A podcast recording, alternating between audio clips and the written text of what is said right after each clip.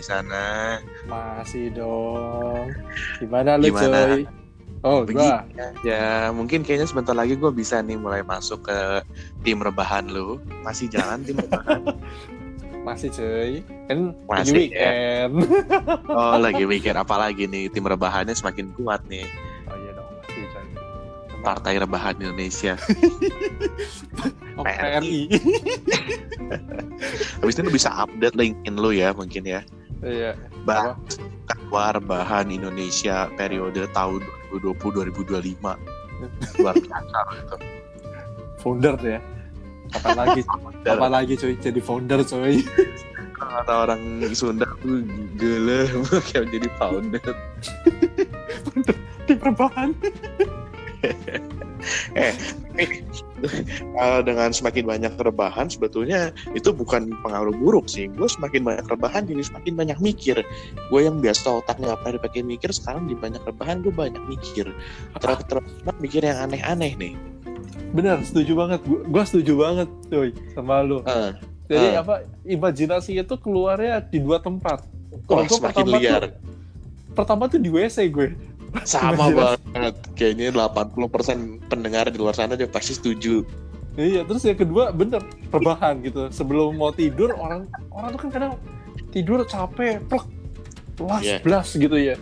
Ini enggak, plek, mikir gitu.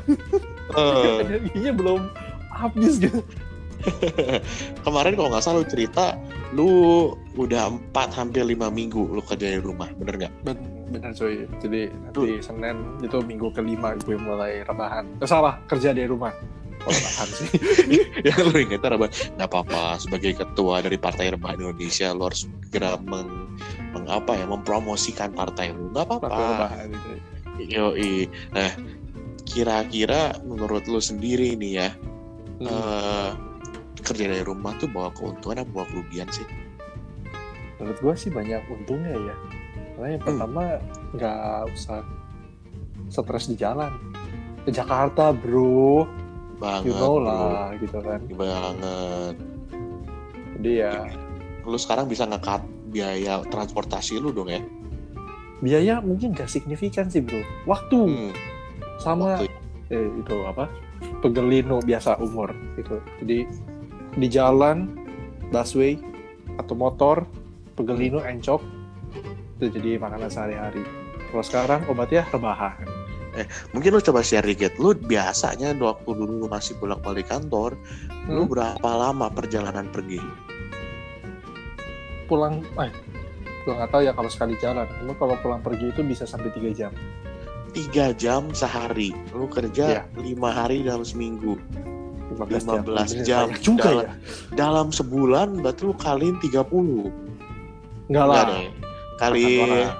20 20 kali 15 lu udah 300 ngabisin jam. 300 jam hidup lu dalam sebulan. Hanya untuk Banyak ya? buat perjalanan. Gak dikit kan terus gue bayar lagi? Iya. bodoh gitu. Belum kalau lu kaliin setahun. Wah jangan-jangan 300 tuh kaliin 212 itu lu udah berapa hari itu lu bis- sebetulnya udah ngabisin waktu di sana Aduh, senat senat senat senat senat senat. Nggak, nggak bisa nggak bisa. Bisa mikir. Welcome to Jakarta. Ya di Jakarta. Oke kira-kira apa lagi nih selain masalah waktu commute berarti ya menurut gue ya satu ya? Hmm.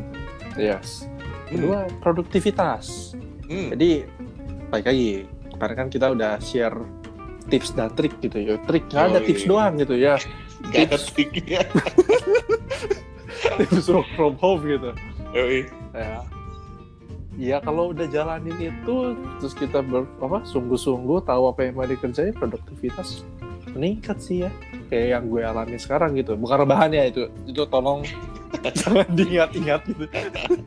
Nggak apa-apa selain promosi. Terus? Ya ya itu kerjaan sih. Kerjaannya makin makin banyak.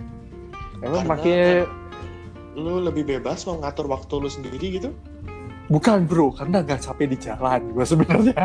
Ah jadi energi lu nggak banyak terbuang sia-sia juga ya? Yes.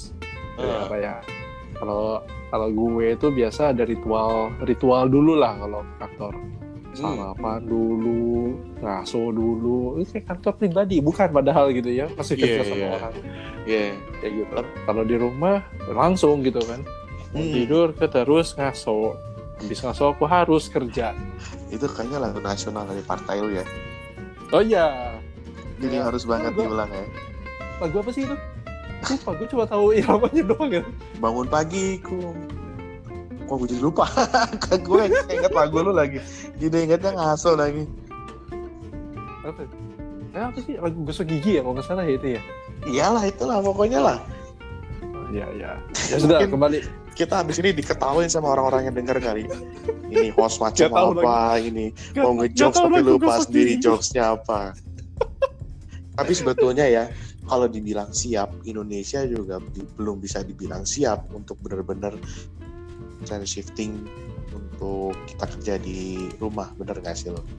benar gue setuju itu karena nggak ada yang rencanain sih kalau gue Hmm. pribadi bilang ya Sedangkan kalau gue boleh sharing ya, sebetulnya di negara lain, negara maju ya, ini tuh hal yang sudah biasa sih bro. Kalau lu pernah dengar ada banyak istilah namanya digital nomad, pernah dengar nggak? Enggak, bahasa alien apa itu? Waduh, digital nomad adalah pekerja-pekerja lepasan yang mengandalkan dunia digital untuk dia bekerja. Dan kenapa dikasih nama nomad? Karena dia hidupnya berpindah-pindah tempat. Itu sekarang ini lagi lumayan tren di negara barat. Jadi mereka bisa traveling keliling dunia sambil terus bekerja layaknya orang kantoran. Wow. satu istilah di negara maju mungkin yang belum banyak orang paham juga nih tapi menurut gue ini menarik dan fenomena ini menurut gue cepat atau lambat bakal segera masuk ke negara berkembang termasuk Indonesia apalagi dengan adanya kasus corona ini yang memaksa kita untuk sedikit mungkin seminimal mungkin aktivitas di luar menurut gue ini akan mulai membiasakan Indonesia atau warga kita untuk mulai berpikir gimana caranya kita bisa kerja dari rumah sih Coy, tunggu coy. Gua udah mulai agak nggak nyampe nih. Jadi si apa digital nomad tadi tuh ya Ya, mungkin nomad no- nonton hemat gitu ya bukan bukan bukan bukan coy. Ini lo kebiasaan dulu sobat-sobat miskin waktu zaman di Bandung nih. Ini gue share dikit. Temen gue dia kerja dia sebetulnya dulu kuliahnya di OSI, terus sekarang dia kerja di OSI, tapi dia tinggal di BSD.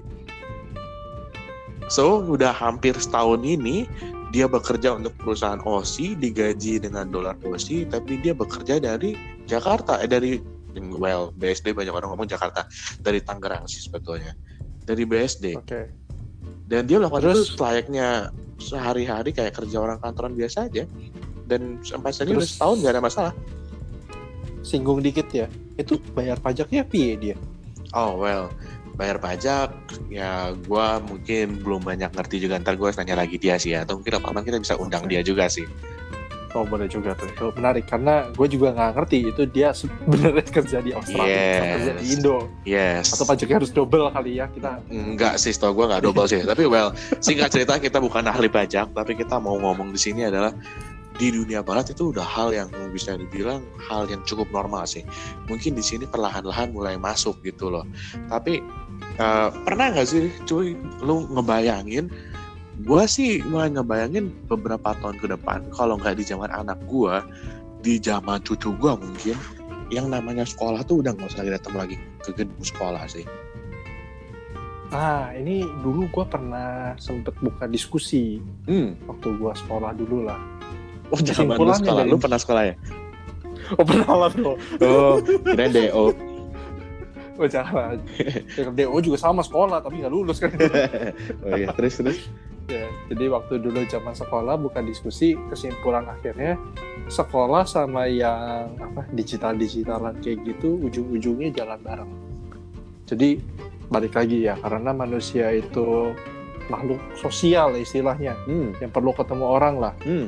Jadi kalau lu nggak pernah tatap muka in one place gitu ya, maksudnya badan lu bergerak bertemu secara langsung lu nggak bisa meraba kan panca indera namanya juga panca indera lima gitu ya. hmm. Eh, lu harus ada exposure dari kelima itu. Jadi kalau lu cuman apa mungkin hologram yang katanya udah didengung-dengungkan zaman dulu Hmm, ujung-ujungnya sama ya kita nggak bisa merasakan we cannot touch gitu sama mereka ya ya. ya. itu kayak ada yang kurang gitu Hmm. so mungkin aktivitas belajar mengajarnya mungkin bisa di rumah Hmm. tapi dia tetap physical building itu tetap harus ada Ya, entah buat apa tapi ada lah buat ke sana Oke, mungkin nggak sepenuhnya dia tinggal di rumah, tapi mungkin juga masih bisa datang ke sekolah. Tapi kalau zaman kita dulu ada pindah pelajaran, apa kita ganti, ganti pelajaran, kita harus keluar ruangan, kita pindah ke ruang lab atau kita misalnya pindah ke kelas yang mana. Mungkin juga di masa depan anak-anak dengan bantuan teknologi, well kita nggak tahu ya. Mungkin habis ini bisa ada teknologi hologram or anything. Mereka diam di satu tempat gurunya nggak akan pindah dengan slide atau dengan hologram itu mungkin. Ya bisa itu juga. Ya katanya kan kalau apa yang dahsyat banget gue pernah lihat sih ya itu. Lo satu di Amerika satu di Inggris. Hmm? Dia bikin kayak video call tapi orangnya keluar. Wow. Jadi lo bisa apa eh, ngelihat bentuk hologram orangnya itu persis banget sama dia. Iya iya pakai laser-laser kayak gituan lah dia. Iya iya iya. Dan orangnya itu juga bisa ngelihat kita gitu. Ah, Ya, itu udah udah mulai cuma masih mahal. Jadi kita nggak tahu kapan teknologi itu bisa diaplikasikan gitu ya. Gue tinggal nunggu waktu sih. pernah nonton dulu uh, film-film jebot Simpson. Kalau lu pernah nonton lu suka nonton juga. Jadi Simpson itu kan sebetulnya film udah lama ya.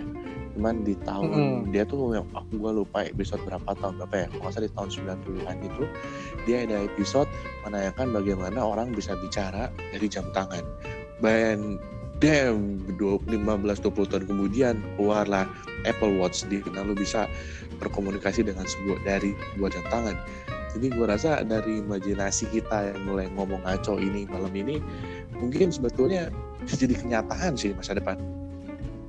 betul tinggal siapa orang gila yang mau jalanin itu gitu Iya, kan kadang dunia membutuhkan orang gila untuk membuat perubahan kan. betul setuju banget gue tuh Tapi gini, keren banget sih lu pernah membayangkan lagi nggak nih? Sekarang kita masuk ke imajinasi level kedua nih, lu naik level dengan lo lo abis ngapain di WC cuy sampai imajinasi lo kayak gini? Hah? abis ngapain lo di WC sampai liar begini imajinasi lo kan gue kaum rebahan cabang WC, buka cabang gua, lu kayak nggak tahu aja. oke oke oke. Apa? Imajinasi lo apa? Gue cuman mau bayangin gini dengan semakin berkembangnya atau mungkin semakin eh, meluasnya ya perspektif baru ini tentang gimana caranya kita bisa kerja dari rumah kerja secara mobile kerja nggak harus secara fisik hadir. Pernah nggak lu membayangin bagaimana dengan faktor dengan sektor-sektor yang sampai saat ini belum bisa mengandalkan 100% digital? Misal misal ini gue kasih pancingan dikit ya. Misalnya lu pernah ngebayangin nggak kalau pekerjaan kayak dokter nanti suatu saat bisa kerja work from home juga ah. Lagi di sekolah pernah dibahas itu juga tuh. Nah, Kira sekolah gue canggih banget ya. Lumayan. Tahu bahas kayak gitu. Lumayan.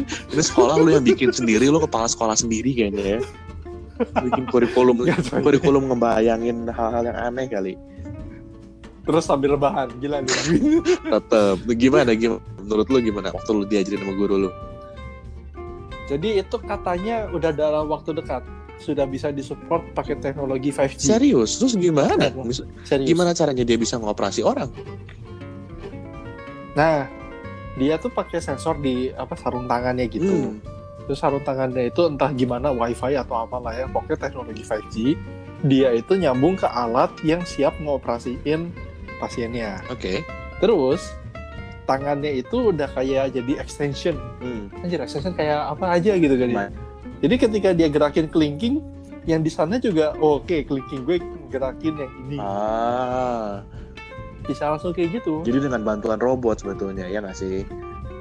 Iya. Dan apa katanya 5G itu kan saking cepetnya gue juga nggak tahu lah speednya berapa. Pokoknya lebih cepat dari 4G yang menurut gue udah ngebut banget sekarang ini. Dia tuh bisa support untuk yang ke arah sana. Dan katanya juga udah bisa support hologram. Oke. Well, bener apa enggak? Nggak tahu. Teknologinya megang aja belum pernah. Eh, Iya iya iya iya. Jadi menurut lu faktor komputer, faktor robot itu bakal jadi faktor yang apa ya, yang lumayan penting ya dalam perkembangan dunia depannya ya. Benar. Jadi memang ya balik lagi karena gue di industri IT Hmm. yang gue tahu sekarang istilahnya tuh big data, data besar. Uh, Apaan sih gitu ya? Bukan lah. Intinya lu punya data banyak terus tiba-tiba komputer lu kasih suggestion. hmm. Oh gue tahu hari ini lu lapar lu lagi pengen makan ayam. Wow. Bohong gitu kan ya. Uh, Tapi ya ya bisa aja gitu kalau lu sekarang eh, lu beli ayam tiga hari sekali. Iya Terus hari ini hari ketiga ya pasti keluar notif gitu kan. iya iya. bro ayam lu habis beli gih ke pasar gitu kan Enggak kan nyuruh, tapi katanya sih bisa, bro, lu lagi butuh ayam nih, gua tahu lu pasti pengen butuh Iya. ayam nih. Ayam yang murah itu ada di toko Ah. mana? Bisa cuy dia bikin kayak gitu. Wow wow. Itu nggak pernah gue bayangin Itu- sebelumnya sih. Ya, itu big data dan sudah banyak yang beli. Oke. Well, gua nggak tahu ya di dipakainya sampai segimana, tapi yang salah satu yang bisa gua tahu itu Cuy cuy cuy. Ini hal lainnya. Lu pernah nggak nonton film judulnya Real Steel? Filmnya Hugh Jackman. Real Steel itu yang orang bukan tawuran yang apa pokoknya dia ngegerakin tangan robotnya ikutan mukul gitu Yes, dia ikut pertandingan boxing robot digerakin sama dia sendiri. Ini mungkin jadi menarik juga. Gimana dengan orang-orang yang emang profesinya sebagai uh, atlet? Ternyata apakah, maksudnya gue pengen juga lo sih, menurut lo mungkin nggak sih dengan perkembangan teknologi yang ada ini ke depannya uh, apa kemampuan atau manusia itu udah nggak lagi dimungkin buat industri uh, olahraga ini? Kayak tadi di film Real Steel ini boxing bisa diwakili dengan robot sekarang. Walaupun tetap digerakin manusia manusia tetap yang berolahraga tapi udah meminimalisir faktor eh, faktor cedera faktor luka faktor-faktor minor terhadap manusia dengan diganti nama robot gitu loh. Hmm, nggak tahu. Cuman gua kalau olahraga kan cari adrenalin. Ah, ah. adrenalinnya itu kan yang ditakut-takutin atau enggak apa kompetisi mau apa tenis gitulah smash Ah. gitu kan. Mesti keluar power sekuat tenaga. Eh kalau nggak ada bebannya garing nggak sih gitu? Tapi kalau gua ngomong sekarang kita ngomong real life-nya ya sekarang industri olahraga itu udah bagi bukan industri cuman sekedar bagaimana lu mengeluarkan kalori kan. Tapi sekarang udah lebih ke industri hiburan. Dan kalau kita lihat dari film Benar. itu industri hiburan di sini di film Steel ini berjalan dengan bagus banget sih. Karena ditontonan semua orang di sana. Sama kayak apa zaman dulu Smackdown ya. di mana orang sebetulnya udah nggak lagi melihat faktor sportsmanshipnya faktor kompetisinya di sana. Mereka lebih ke arah butuh hiburan dan kalau emang itu yang ditekankan gue rasa itu bukan hal yang nggak mungkin sih.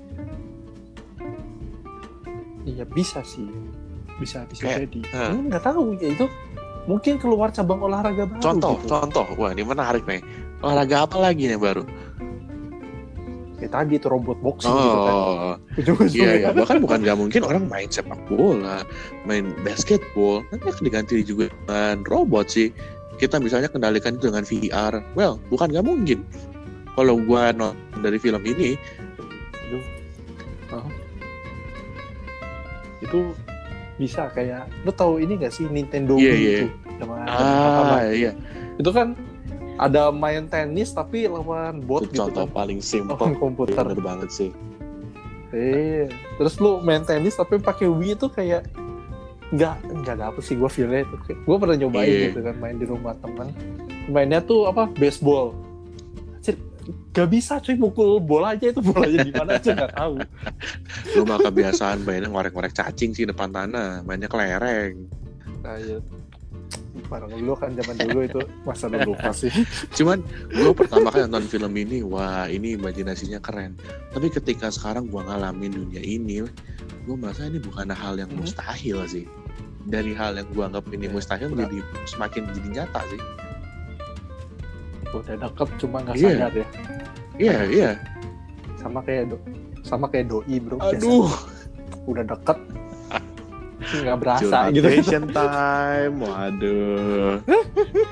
Anyway anyway tapi gue merasa sebagian besar kayak misalnya keterlibatan komputer, keterlibatan robot sebetulnya tujuannya kan baik untuk meringankan beban manusia, menambah efektivitas, gimana? menambah efisiensi. Tapi pernah nggak lu kepikir kalau misalnya ini terus berjalan, bakal ada beberapa pekerjaan yang nggak bakal dibutuhin lagi di masa depan? Menurut lu gimana? itu konsekuensi ya jadi pasti ada pekerjaan yang eh, kalau dia nggak istilah kerennya berinovasi itu itu mati Hmm. dia salah satu yang udah mulai kelihatan itu kan Pak Pos. Tukang pos tuh. Apes. zaman dulu kan masih iya. Pak Hmm. Pos ya. bukan Pak Boy gitu ya. Minion gitu bukan. Terus? Pak Pos itu.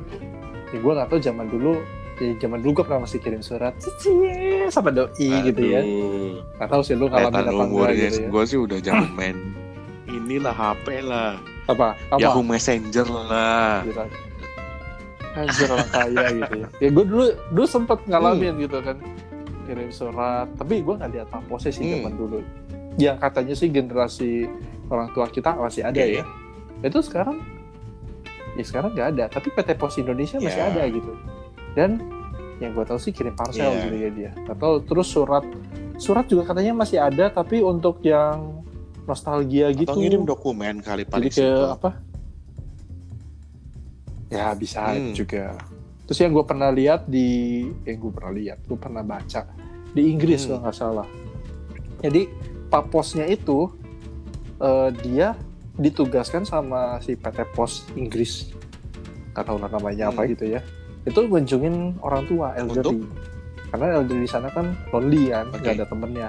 Jadi untuk temen ngobrol. Wow, jadi dia benar-benar berubah berubah fungsinya gitu. Ini gue bayar ini terus kalau di gitu Jepang kan. ada namanya jasa baru, jasa pacar sewaan.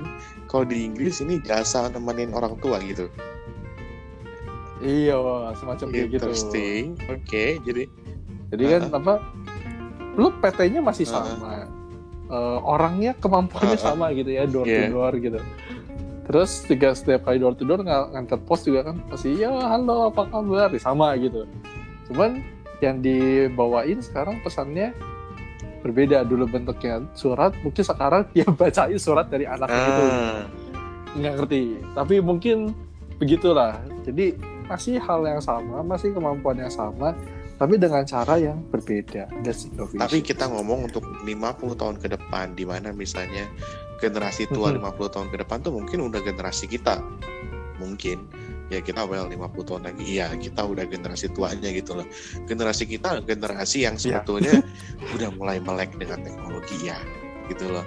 Nah, apakah Hmm. yang tadi lu cerita kasus Pak Pos itu masih bisa maksudnya kayaknya sih menurut gua kita yang masih melek teknologi ini sebetulnya nggak butuh bantuan dia juga sih bener nggak sih Iya.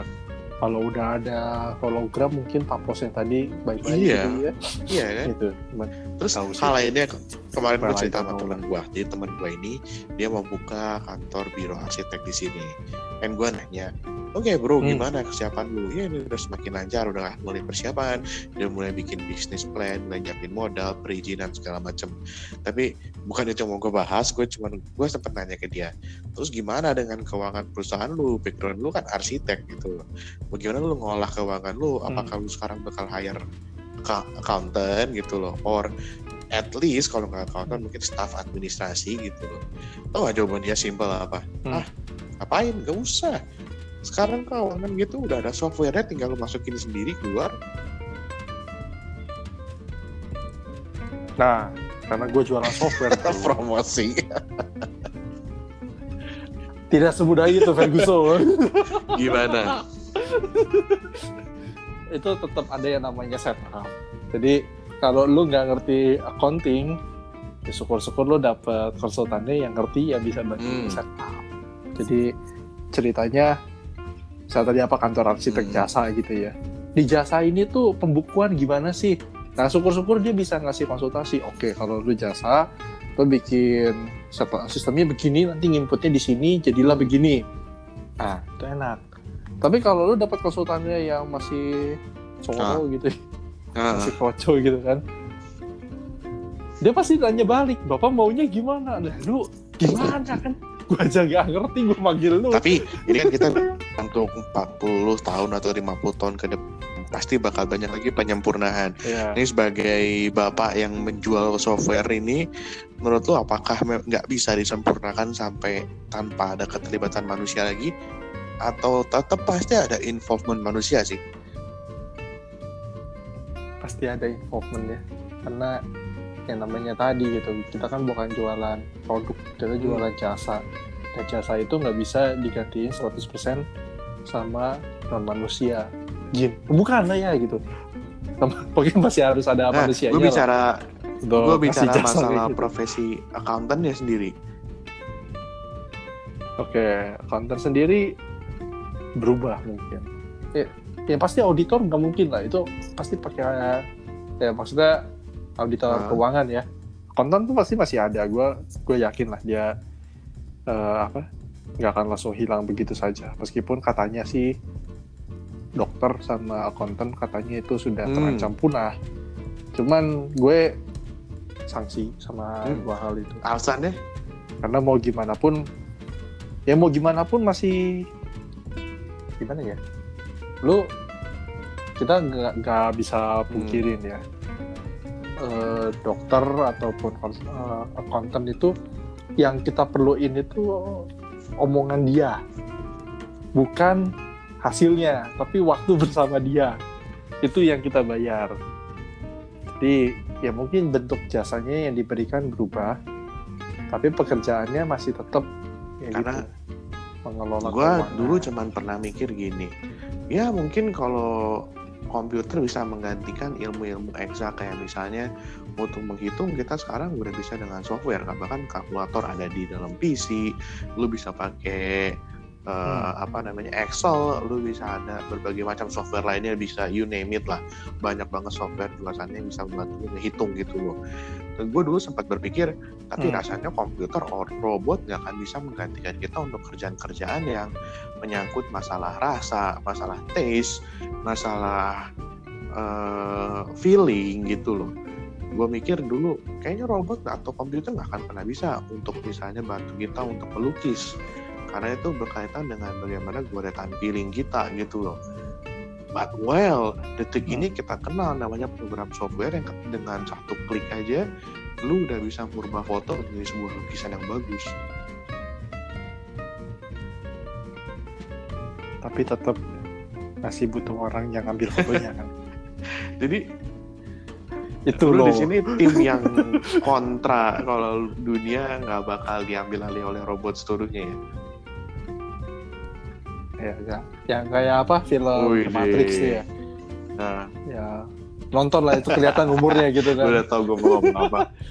Atau apa?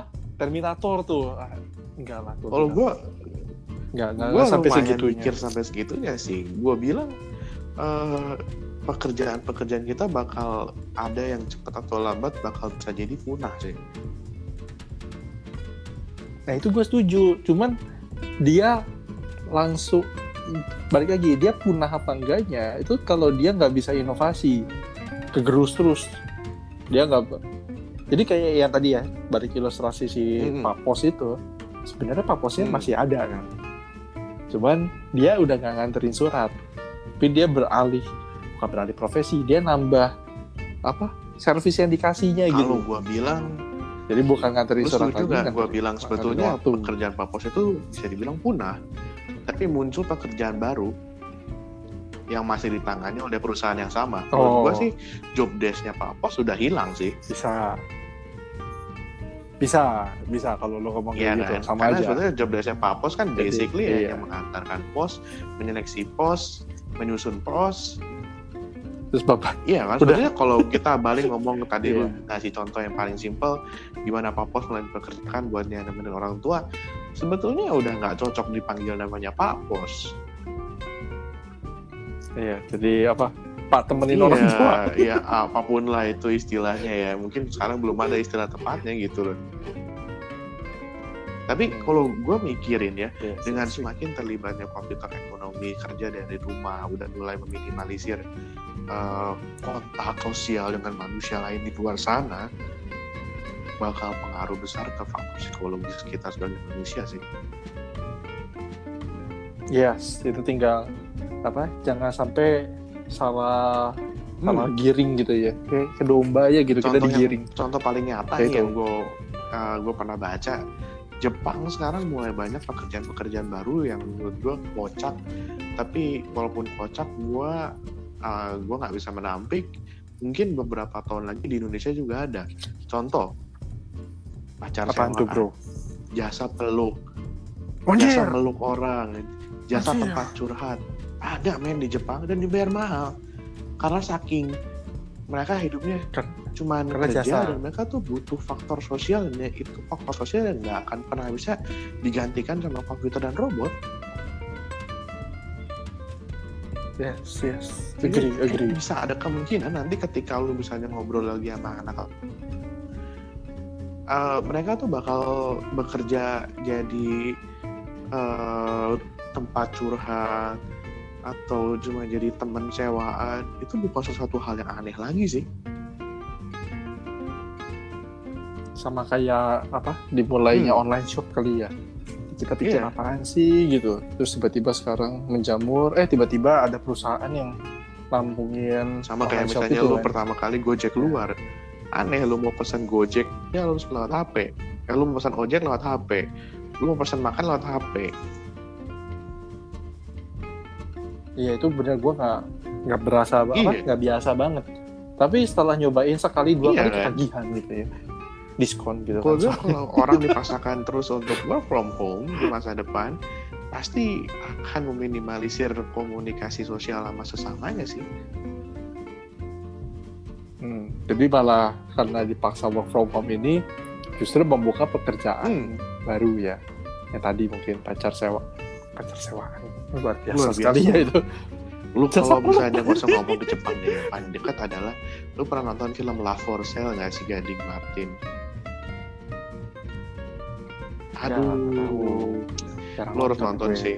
itu dia bagaimana dia ngajarin bukan ngajarin sih dia mengisahkan tentang seorang cowok seorang lelaki yang hidup sendiri dan dia butuh teman cewek. Caranya simpel tinggal pesan dari aplikasi dan besok ceweknya datang. Langsung tinggal tergantung Itu kayak- kontraknya lu mau pinjam dia seminggu sehari sebulan. Gua awalnya ketawa sih nonton film itu. Terus gila apa-apaan ini cari pacar gampang banget. Tapi setelah gua mikir-mikir bukan nggak mungkin sih. Eh itu kan udah ada situs apa? Dating Dating. online itu loh. Yang swipe kiri itu kan mungkin itu kan. mempertemukan orang biar orang itu ngobrol sendiri. Nanti kalau cocok lanjut kalau kan ya monggo bubar. Kalau ini orang udah nggak usah lagi melalui proses pengenalan Ya. itu. Kalau lu butuh dia datang. Itu kan tinggal apa? Iya. Bisnisnya. Jadi dari ngenalin terus dibuat diduitinnya lewat fee yang kayak itulah Gojek gitu lah tapi orang gitu. Bisa jadi. gue nggak tahu sih mungkin banyak tau orang di luar sana yang bakal menganggap ini bisa jadi human trafficking karena berarti lu menjual manusia. Tapi well gue nggak nggak lagi bahas ke arah sananya sih. Cuman Yes.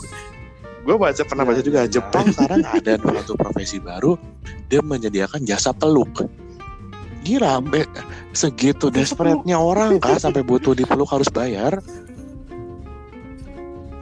itu eh sorry apa ke arah sana sedikit ya itu jasa peluk dia maksudnya berdiri depan PF depan pinggir jalan gitu terus bilang hook ya setahu gue gitu. sih atau online juga juga gua lagi. bisa dia datang ke rumah lu atau apa terus dulu bisanya curhat ke dia dan Indian lu butuh untuk dipeluk karena lu merasa biar lebih safety biar lu merasa secure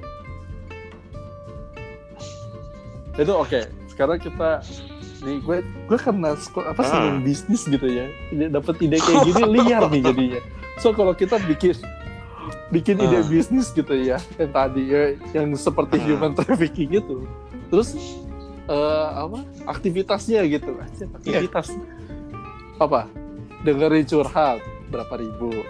Peluk Iya. berapa ribu gitu. nemenin jalan bikin kayak berapa. gitu jadinya. Terus itu kontrolnya Well, di sini bro? gue nggak nggak ngomongin misalkan- soal bisnisnya ya. Gue cuma ngembangin apa sih kemungkinan yang bisa terjadi di masa depan gitu loh. Pekerjaan apa yang bakal musnah pekerjaan oke. apa yang bakal muncul gitu loh. Oke itu oke gue bakal coba Ya kan, explore ya kan. lebih jauh ya tentang nih dari hasil research gue lagi ya. Tadi gue udah bicara masalah jasa peluk pacar rental terus karena kita semakin kurang sosialnya sama sama manusia. Bahkan ada namanya di sini yang gue research pekerjaan tamu undangan palsu. Mungkin kalau di Indo tuh sama kayak penonton-penonton bayaran di TV-TV situ. Tapi ini saking kita nggak kenal lagi sama temen atau mungkin kita bahkan udah nggak punya temen tapi kita pengen ngajain pesta kita bisa sewa namanya tamu-tamu undangan buat datang ke pesta kita nah kalau itu gue yakin di Tapi- Indonesia nggak laku. Karena di kondangan banyak tamu susupan.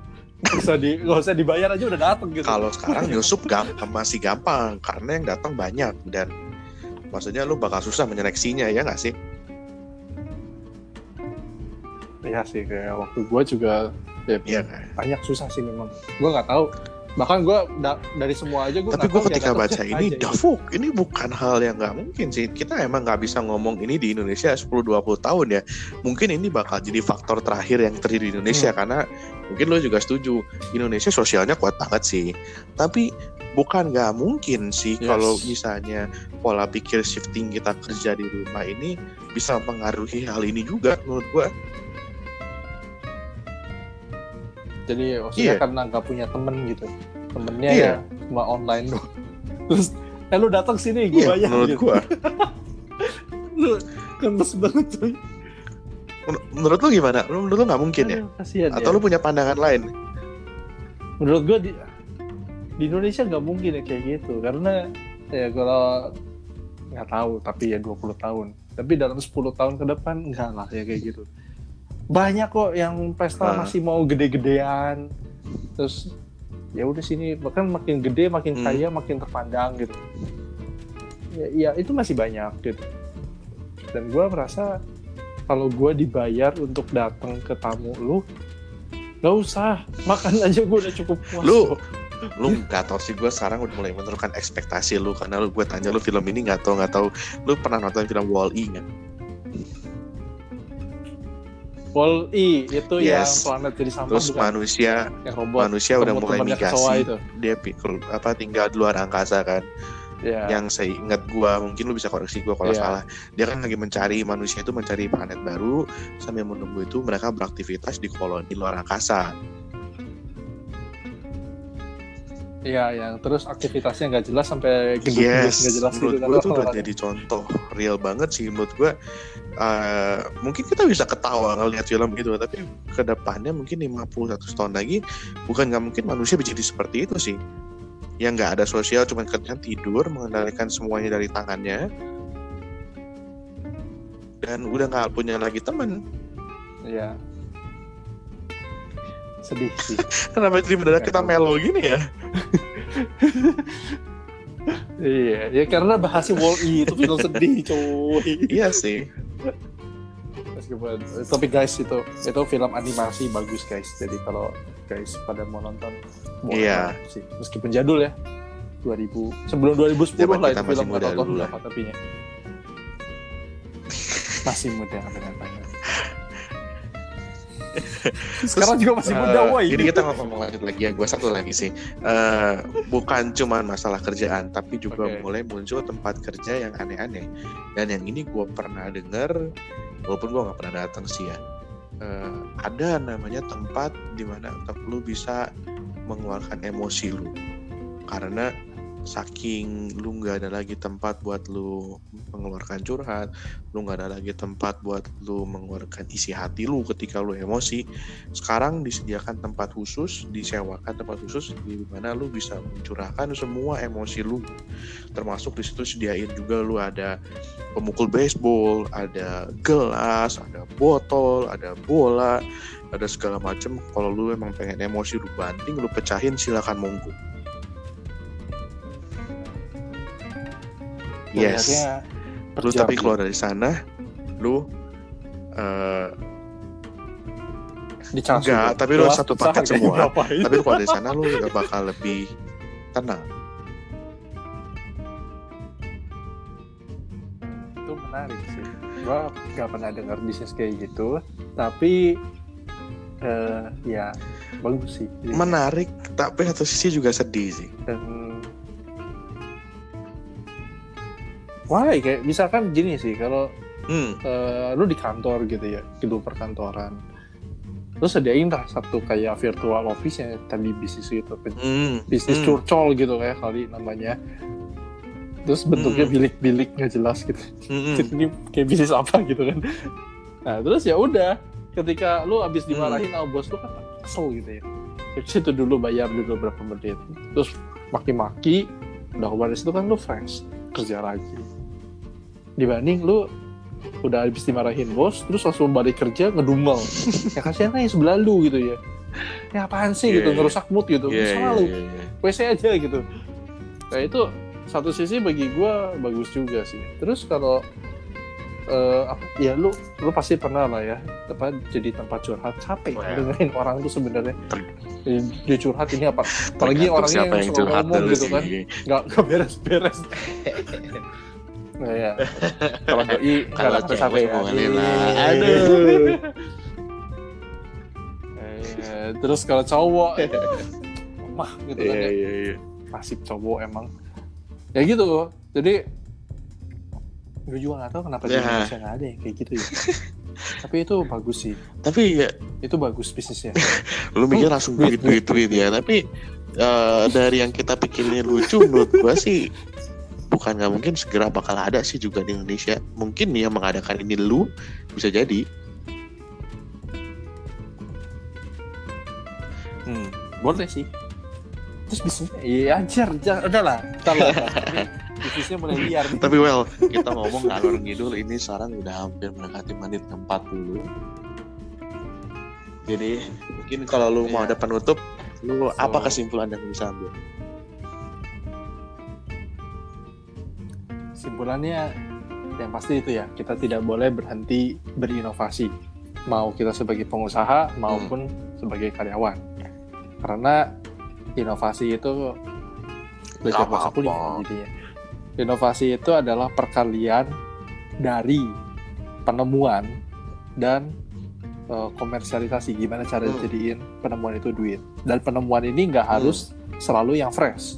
Bisa dari ilmu terapan yang lain atau dari awang-awang Hmm. nggak jelas kayak tadi Hmm. kita di WC atau pas lagi rebahan itu sih. Jadi apa pun itu setelah kita udah dapat innovationnya yang tadi ya invention dan commercialization kita harus jalankan. Do. Karena ide innovation tanpa do Wah, itu kata-kata bijak dari Bas 2020 tolong dicatat ya teman-teman semua ya. Oke udah tolong ya. podcast ya episode udah mungkin segitu dulu Iya. gua dom cabut oke Bye. kasih cabut bye bye